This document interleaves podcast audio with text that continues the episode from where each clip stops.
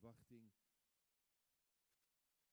Maar we willen in deze serie ons meer richten op het geestelijk leven wat Daniel en zijn vrienden uitleefden.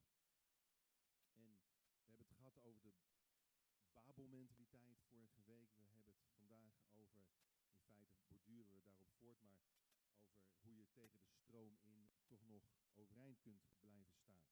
Hoe blijf je standvastig in een cultuur die zich voortdurend aan je opdringt? Hoe leef je in deze wereld zonder eh, van deze wereld te zijn? Hoe leef je in deze wereld zonder je te laten definiëren door deze wereld? Uh, je te laten bepalen, beïnvloeden door deze wereld? Hoe blijf je vaststaan in je geloof?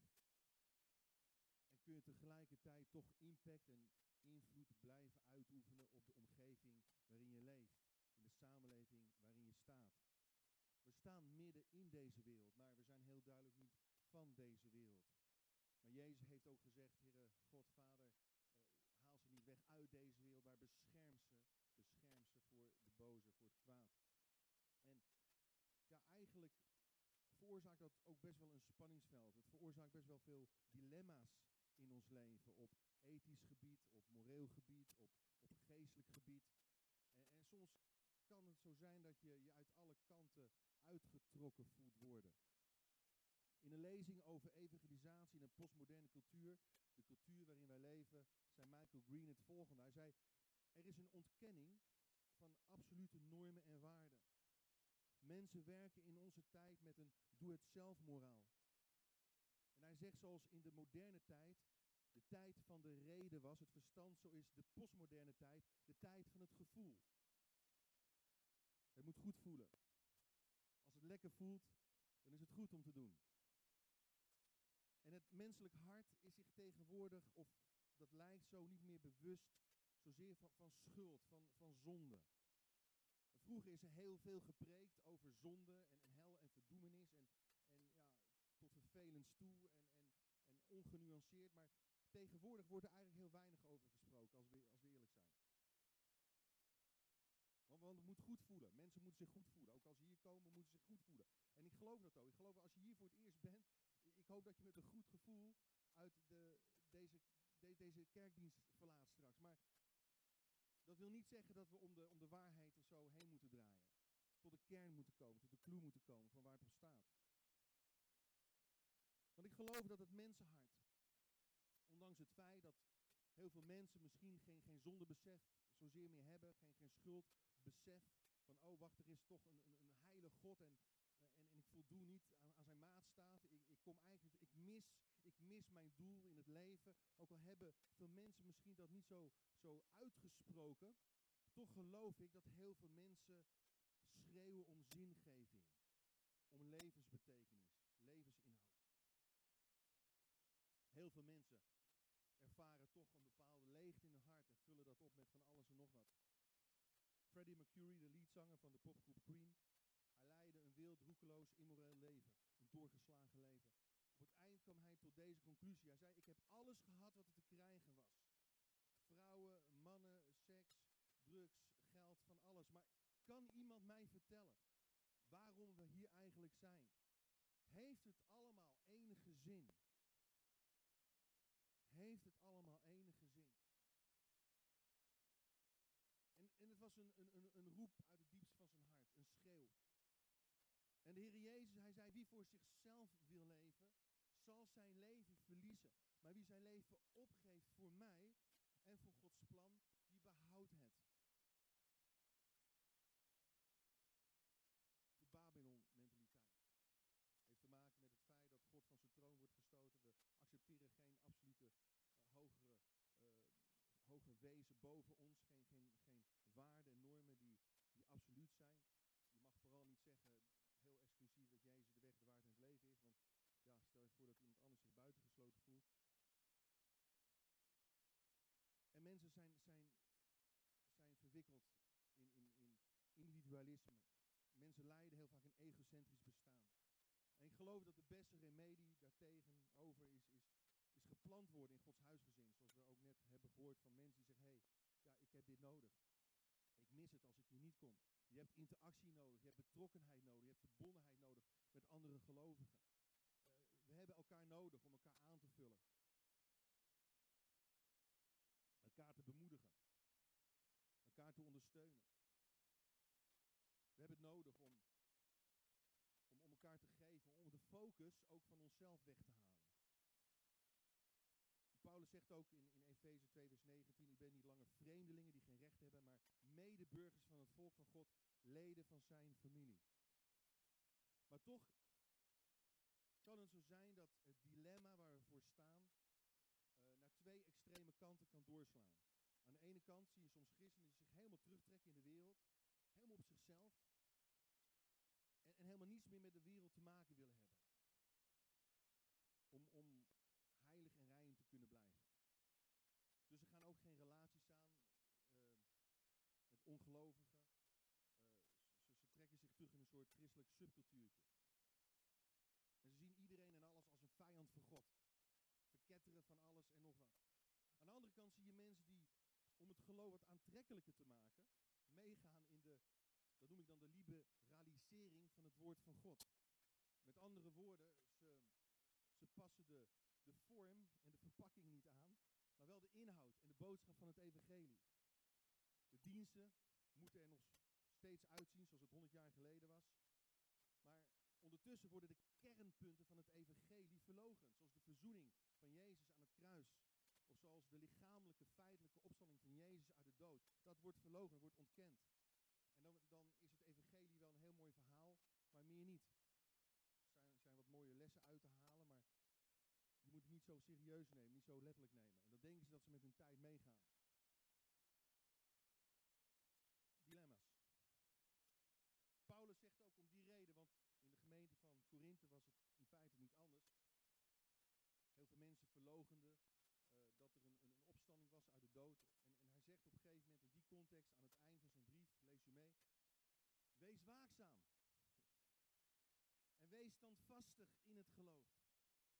Wees moedig en wees sterk. Wat u ook doet, doe het in liefde. Wees standvastig.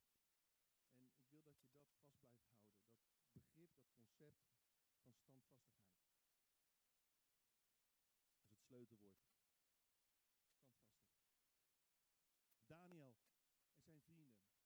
Zij konden standvastig blijven in Gods woord, in geloof, in toewijding aan Gods geboden en tegelijkertijd konden ze het waardesysteem van een Babylonische cultuur uitdagen. En er niet mee samensmelten.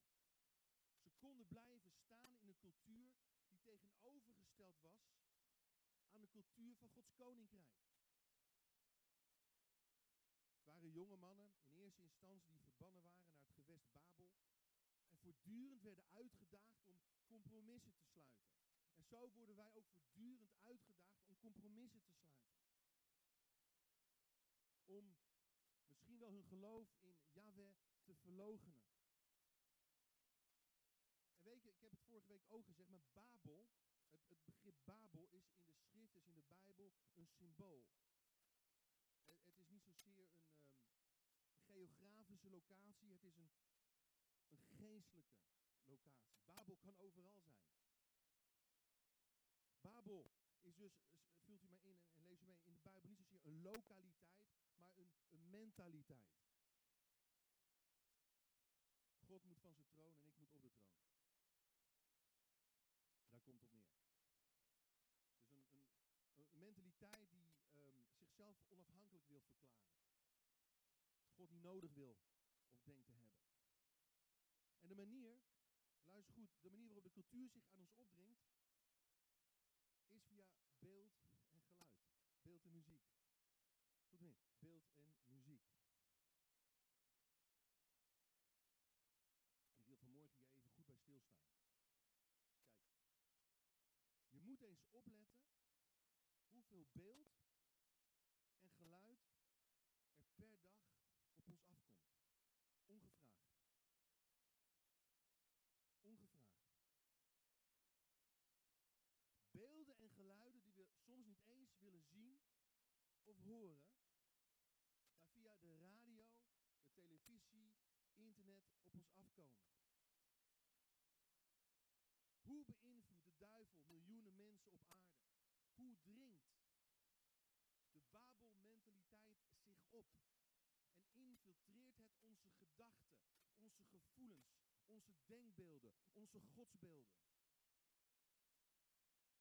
Hoe verleidt of misleidt de duivel ons?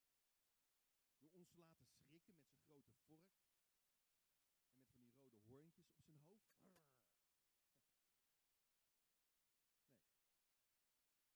Hij is een meester in het bespelen, beïnvloeden van onze gedachten. Daarom zegt Paulus dat we onze gedachten onder de heerschappij van Christus mogen brengen en elk bolwerk mogen slechten. Dat, dat elke gedachte kronkel die doordrongen is duisternis moeten slechten, moeten naar beneden halen. Omdat het een bolwerk van Satan kan zijn. Wat tegen de kennis en het beeld van God ingaat. Maar hij bespeelt onze gedachten, zodat we voornamelijk, luister goed, verkeerde godsbeelden ontwikkelen. Verkeerde gedachten over God. En let op, hij gebruikt van oudsher beeld en muziek hiervoor. Lees mee, Daniel 3, vers 1. Telt, u, maar op hoe vaak het woordje beeld en muziek in dit tekstgedeelte naar voren komt. De cultuur van Babel. Koning Nebukadnessar had een gouden beeld laten maken van bijna 30 meter hoog en 3 meter breed. Uh, eh, 10 meter lager ongeveer dan, dan de Oldenhoofd. Die is volgens mij, corrigeer me, zo'n 40 meter hoog. Dus bijna net zo hoog als de Oldenhoven. En 3 meter breed. Zo, groot was dat beeld. Beeld. Daarna ontbood hij alle hooggeplaatste personen die bij het bestuur van de provincie betrokken waren. Satrapen, stadhouders, gouverneurs, raadsleden, hoge belastingambtenaren, rechters en magistraten. Zij moesten aanwezig zijn bij de inwijding van het beeld. En toen al die hooggeplaatste personen zich voor het beeld hadden opgesteld, riep een heraut, daar komt ook het woordje eigenlijk de verkondiging van het evangelie vandaan, de, een heraut van de koning. Als, als, als je een evangelist bent, ben je een heraut van de hemelse koning. Maar hij, hij, hij riep met luide stem, mensen, luister naar dit bevel. Tot welk volk u ook behoort, welke taal u ook spreekt. Straks hoort u de muziek van hoorn en fluit, citer en luid, harp en doedelzak en van allerlei andere instrumenten. Zodra opnieuw de muziek wordt ingezet, moet u zich in aanbidding neerwerpen voor het beeld koning Nebukadnessar heeft opgericht. Die weigert, wordt ogenblikkelijk in een brandende oven gegooid. En dus wierpen zij zich als één man voor het gouden beeld neer, zodra zij de muziek hoorden. Zodra zij de muziek hoorden. Beeld en geluid. Beeld en muziek. De vijand verbergt zich vaak in beeld en muziek. Dus pas op waar je naar kijkt en waar je naar luistert. Ik zeg niet dat je wereldvreemd moet worden.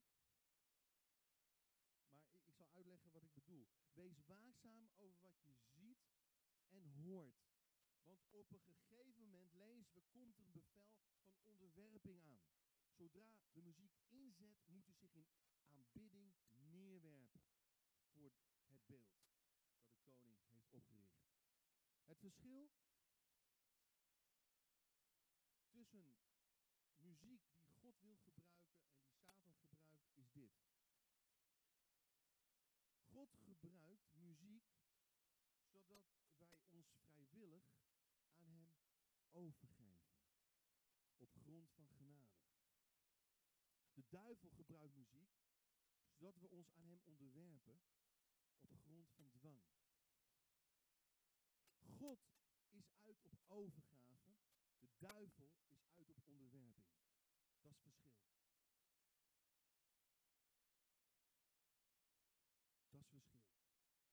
Als wij door het geloof in Jezus gered worden, dan gaan wij over van de dood naar het leven, van, van slavernij naar vrijheid. Dat is verschil. En luister goed, het gaat niet zozeer om de instrumenten, of de stijl van de muziek, of een bepaalde sound, maar het gaat om de context waarin deze muziek gebruikt wordt.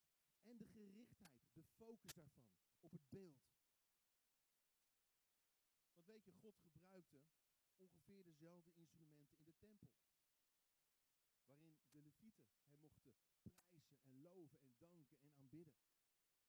God gebruikt muziek op een geweldige wijze in deze wereld, maar de duivel net zo goed.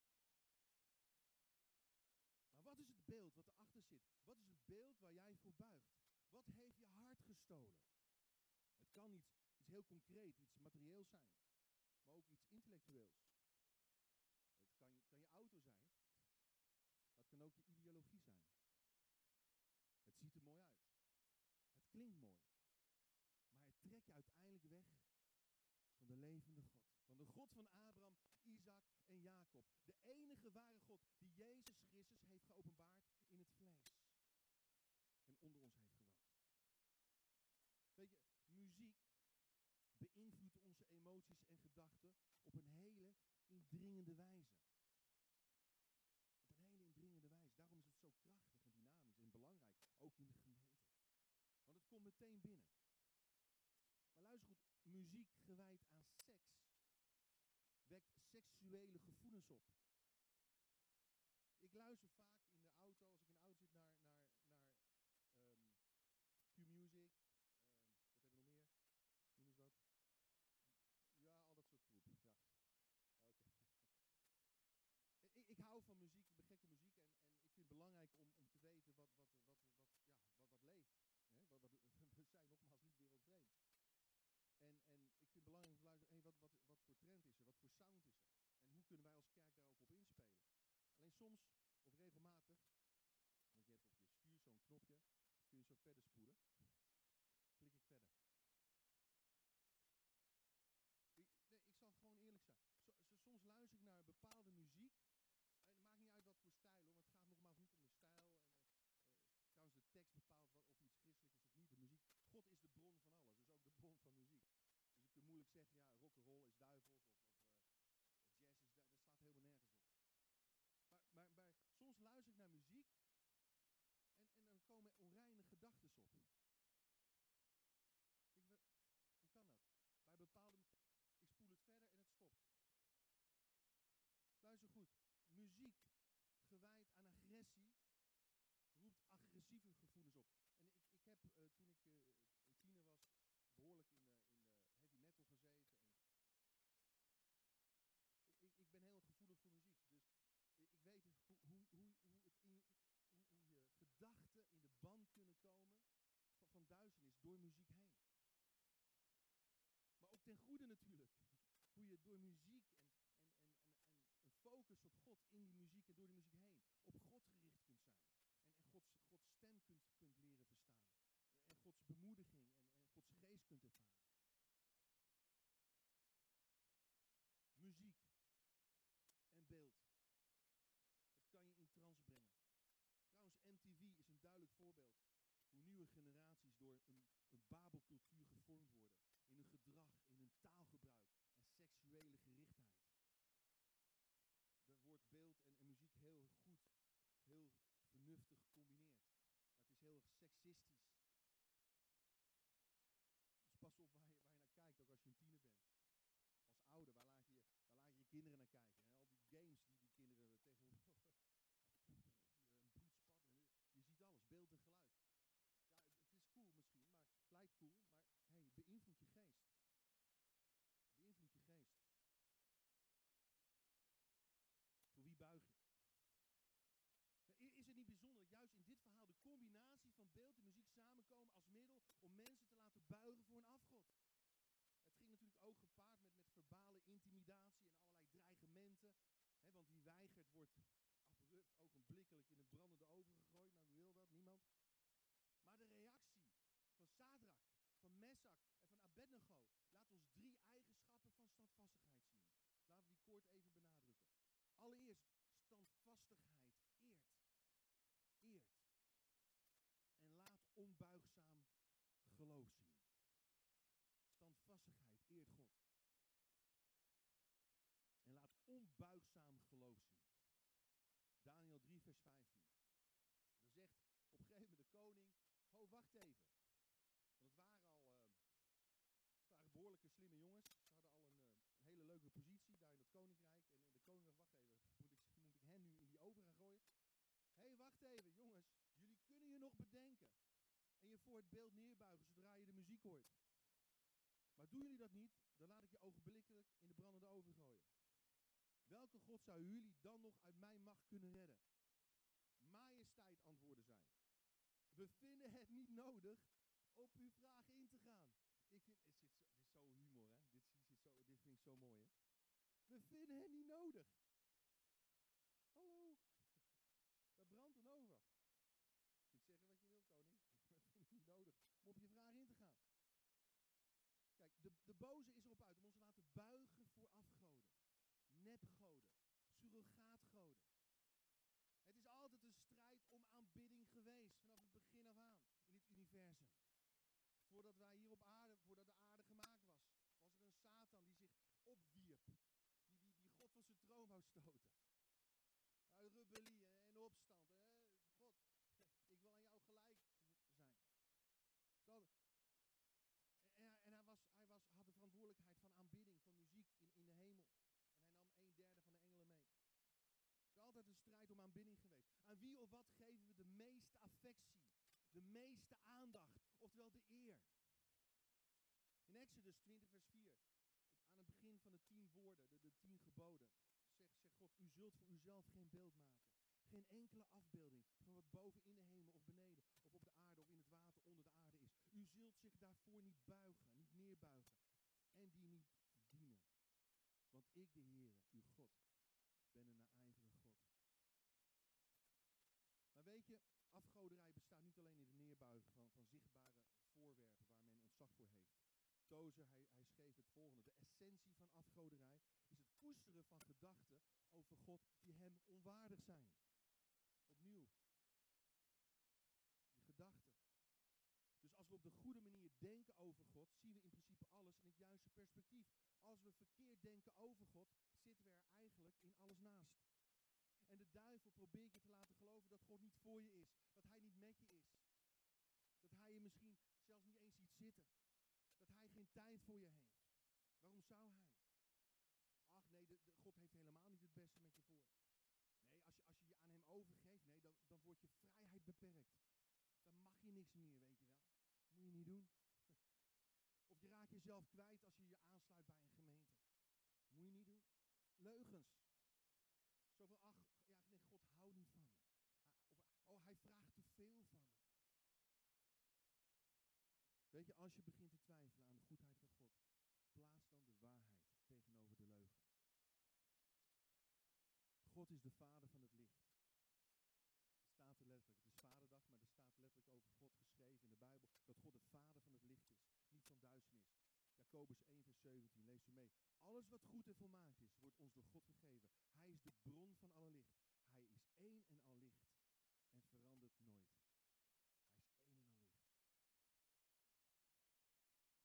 En vanuit dat licht heeft hij goede gaven. Is hij goed. Maar de koning, hij probeerde twijfel te zaaien in, in het hart van, van de vrienden van Daniel. Welke God zou jullie nog uit mijn macht kunnen redden? En het antwoord was standvastigheid. Ze zeggen, we vinden het niet nodig op uw vraag in te gaan. Moet je nagaan. Ze krijgen een tweede kans. En ze zeiden, ze zeiden eigenlijk, hé hey, koning, we hebben geen bedenktijd nodig. We hebben geen bedenktijd nodig. We hebben namelijk al een besluit in ons hart genomen om op God te blijven vertrouwen. Of de situatie nu verandert of niet. Weet je, standvastigheid eert God en toont onbuigzaam geloof of vertrouwen in God. Dat leidt ons tot de volgende eigenschap van standvastigheid.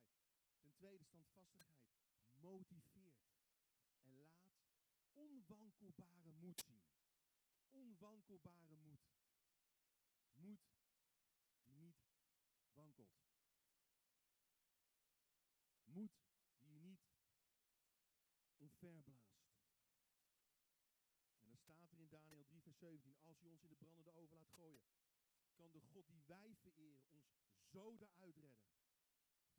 En ons uit uw macht bevrijden.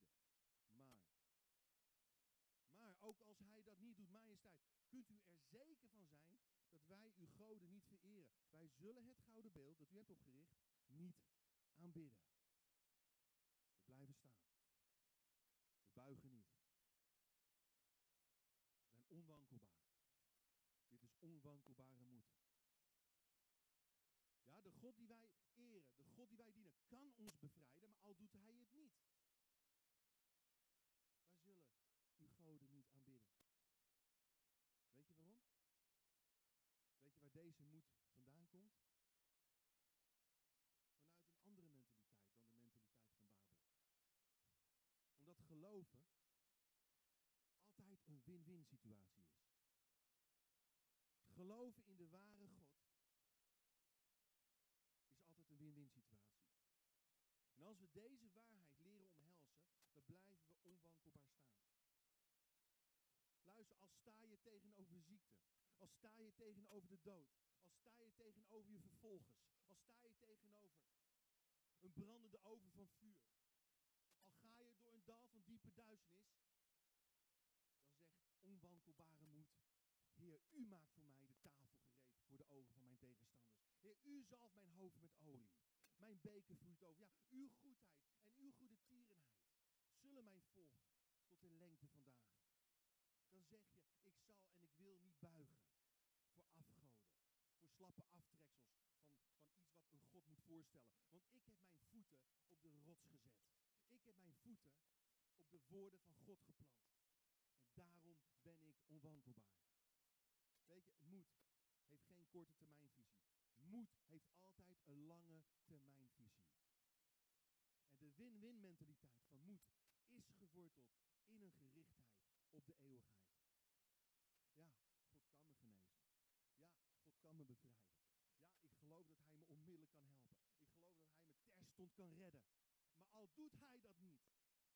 Hij blijft wie hij is. En hij blijft op de troon. Want hij verdient die troon. Want hij is de schepper. Hij is de van leven en licht. En ik heb mijn ogen gericht op de dingen die men niet ziet. Op de dingen die eeuwig zijn. Niet die kortstondig zijn.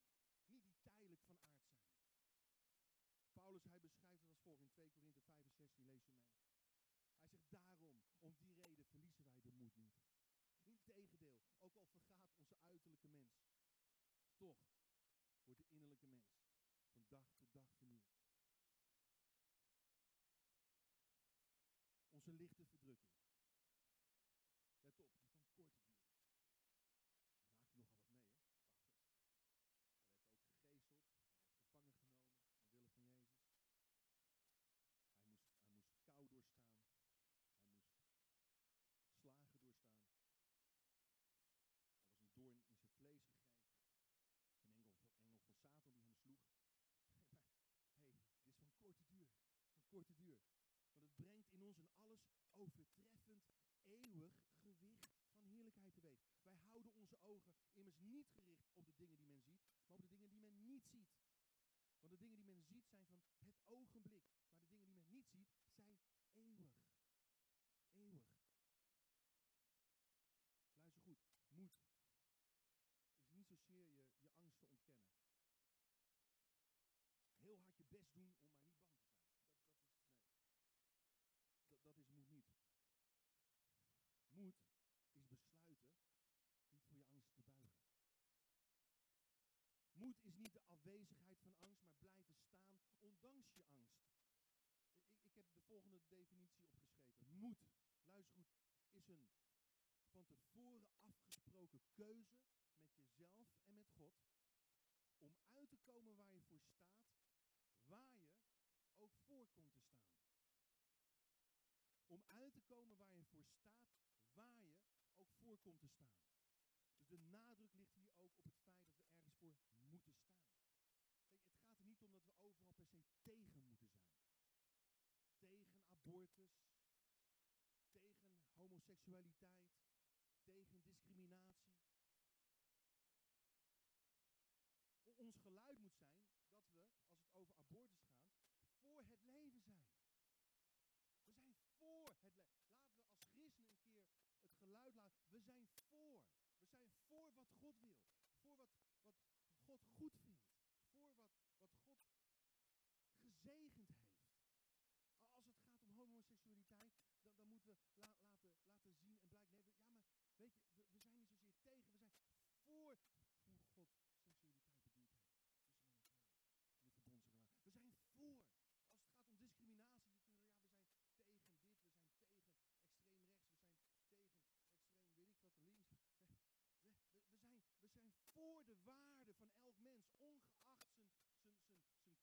zijn ras, zijn afkomst. We zijn voor.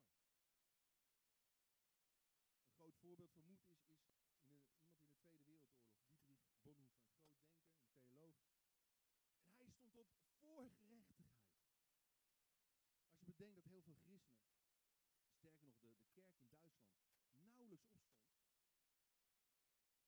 Zeg maar tegenover het opkomende nationaal socialisme van Hitler. Dan kun je concluderen dat er heel weinig moed was onder gelovigen. Biografie van Dietrich Bonhoeffer staat beschreven zelfs hoe christenen tijdens kerkdiensten steeds harder gingen zingen, mooie psalmen en allemaal oh, heel vroom harder gingen zingen toen ze de treinwagons hoorden aankomen. Weet je waarom? Om een geweten te sussen. De treinwagons hoorden ze aankomen. De Joden werden gedeporteerd, naar de kampen geleid. En ze gingen harder zingen, om maar die treinwagons niet te horen. Maar Dietrich Bonhoeffer, hij was, hij was anders. Hij liet een tegengeluid horen. Hij stapte op een keer tijdens de preken van zijn podium af en, en liep naar buiten en sprak en ging nazi's toespreken. Goed, uiteindelijk werd hij gevangen genomen. Het zou tot zijn dood leiden. Maar zijn moed was Ook in de gevangenis. Hij bleef schrijven voor het verzet. En tegen zijn familie zei hij, hij aan het eind van zijn leven dit. Ja, mijn, mijn einde is gekomen. Maar nu pas gaat mijn nieuwe leven beginnen. En hij werd opgehangen. Hij motiveerde. Standvastigheid motiveert. Hij motiveerde vele anderen om voor de Joden op te komen. Om een tegengeluid, een ander geluid te laten horen. En zo lezen we dat, dat Nebukadnezar, hij werd razend van woede. Hij werd zo boos. Weet je, hij, uh, hij liet uh, Sadrak, Mesak en Abednego vastbinden in, in, in de oven gooien. En, en, en hij, hij zei zelfs, laat die oven zo heet worden, zevenmaal heter dan normaal, zodat de vlammen zo hoog oplaaiden dat, dat de mannen die, die uh, Sadrak, Mesak en Abednego in het vuur wilden gooien, zelf verbranden. Zo heet was het. Levend verbranden. En de drie vrienden die vielen midden in het vuur van de oven. En toen sloeg de schrik om het hart van Nebukadnezar.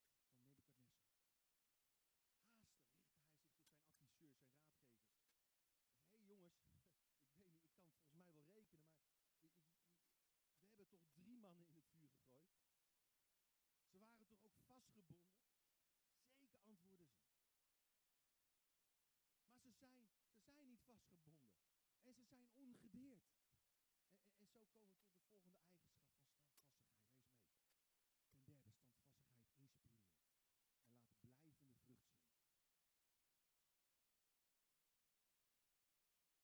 En laat blijvende vrucht zien. We lezen in, Daniel 3 vers 28. Nebuchadnezzar, hij riep uit. O dank aan de God van Sadrak, Mesak en Abednego.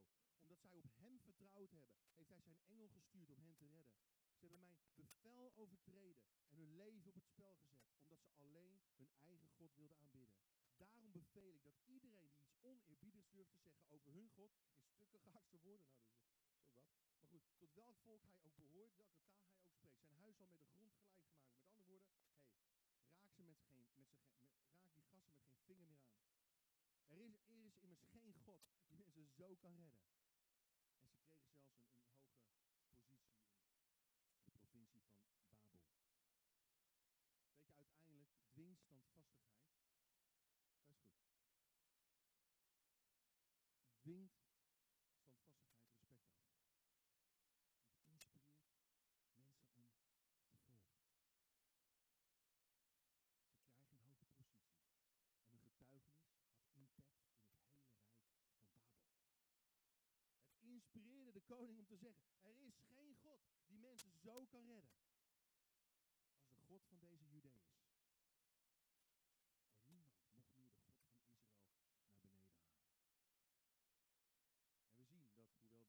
naar beneden halen. En we zien dat, hoewel de koning intimideerde, deze? Of ben je een echo? Ben je een stem of ben je slechts een echo? Je kunt de echo zijn van wat iedereen zegt en doet. Maar je kunt ook besluiten om de stem te worden van degene die de weg, de waarheid en het leven is. Van degene die jou onderscheidt van de massa.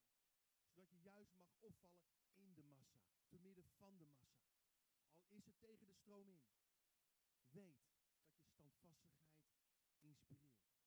En blijvende vrucht produceert. Spreuken 11 vers 11, er staat door de zegen van de oprechte wordt een stad verheven. Of bloeit standvastig in je toewijding aan God. Blijf standvastig in je in je gave, in je bediening. Blijf standvastig in het werk voor de Heer, want dat produceert blijvende vrucht. Weet wat je doet voor God is niet leeg of te vergeefs. Paulus zei in 1 Korinthe 15, vers 58, kortom, geliefde broeders en zusters, wees standvastig en onwankelbaar. Zet u altijd volledig in voor het werk van de Heer. In het besef dat door de Heer uw inspanningen nooit te vergeefs zijn. Het woordje in het Grieks, te vergeefs, betekent leeg. Ze zijn nooit leeg. Ze zijn nooit inhoudsloos. Ze zijn nooit zonder betekenis geweest. Want wat je doet voor de Heer, kan blijvende vrucht dragen. Ik wil afsluiten met, met een hele mooie tekst. Uit uh, Efeze. We hebben het over de Babel-mentaliteit gehad, de Babel-cultuur het heeft allemaal te maken met de geestelijke strijd die gaande is. Er staat in Efeze 6 vers 11. Rust u uit met de bewapening van God. Om weerstand te kunnen bieden op de dag waarop het kwaad aanvalt. Dan zult u staande blijven.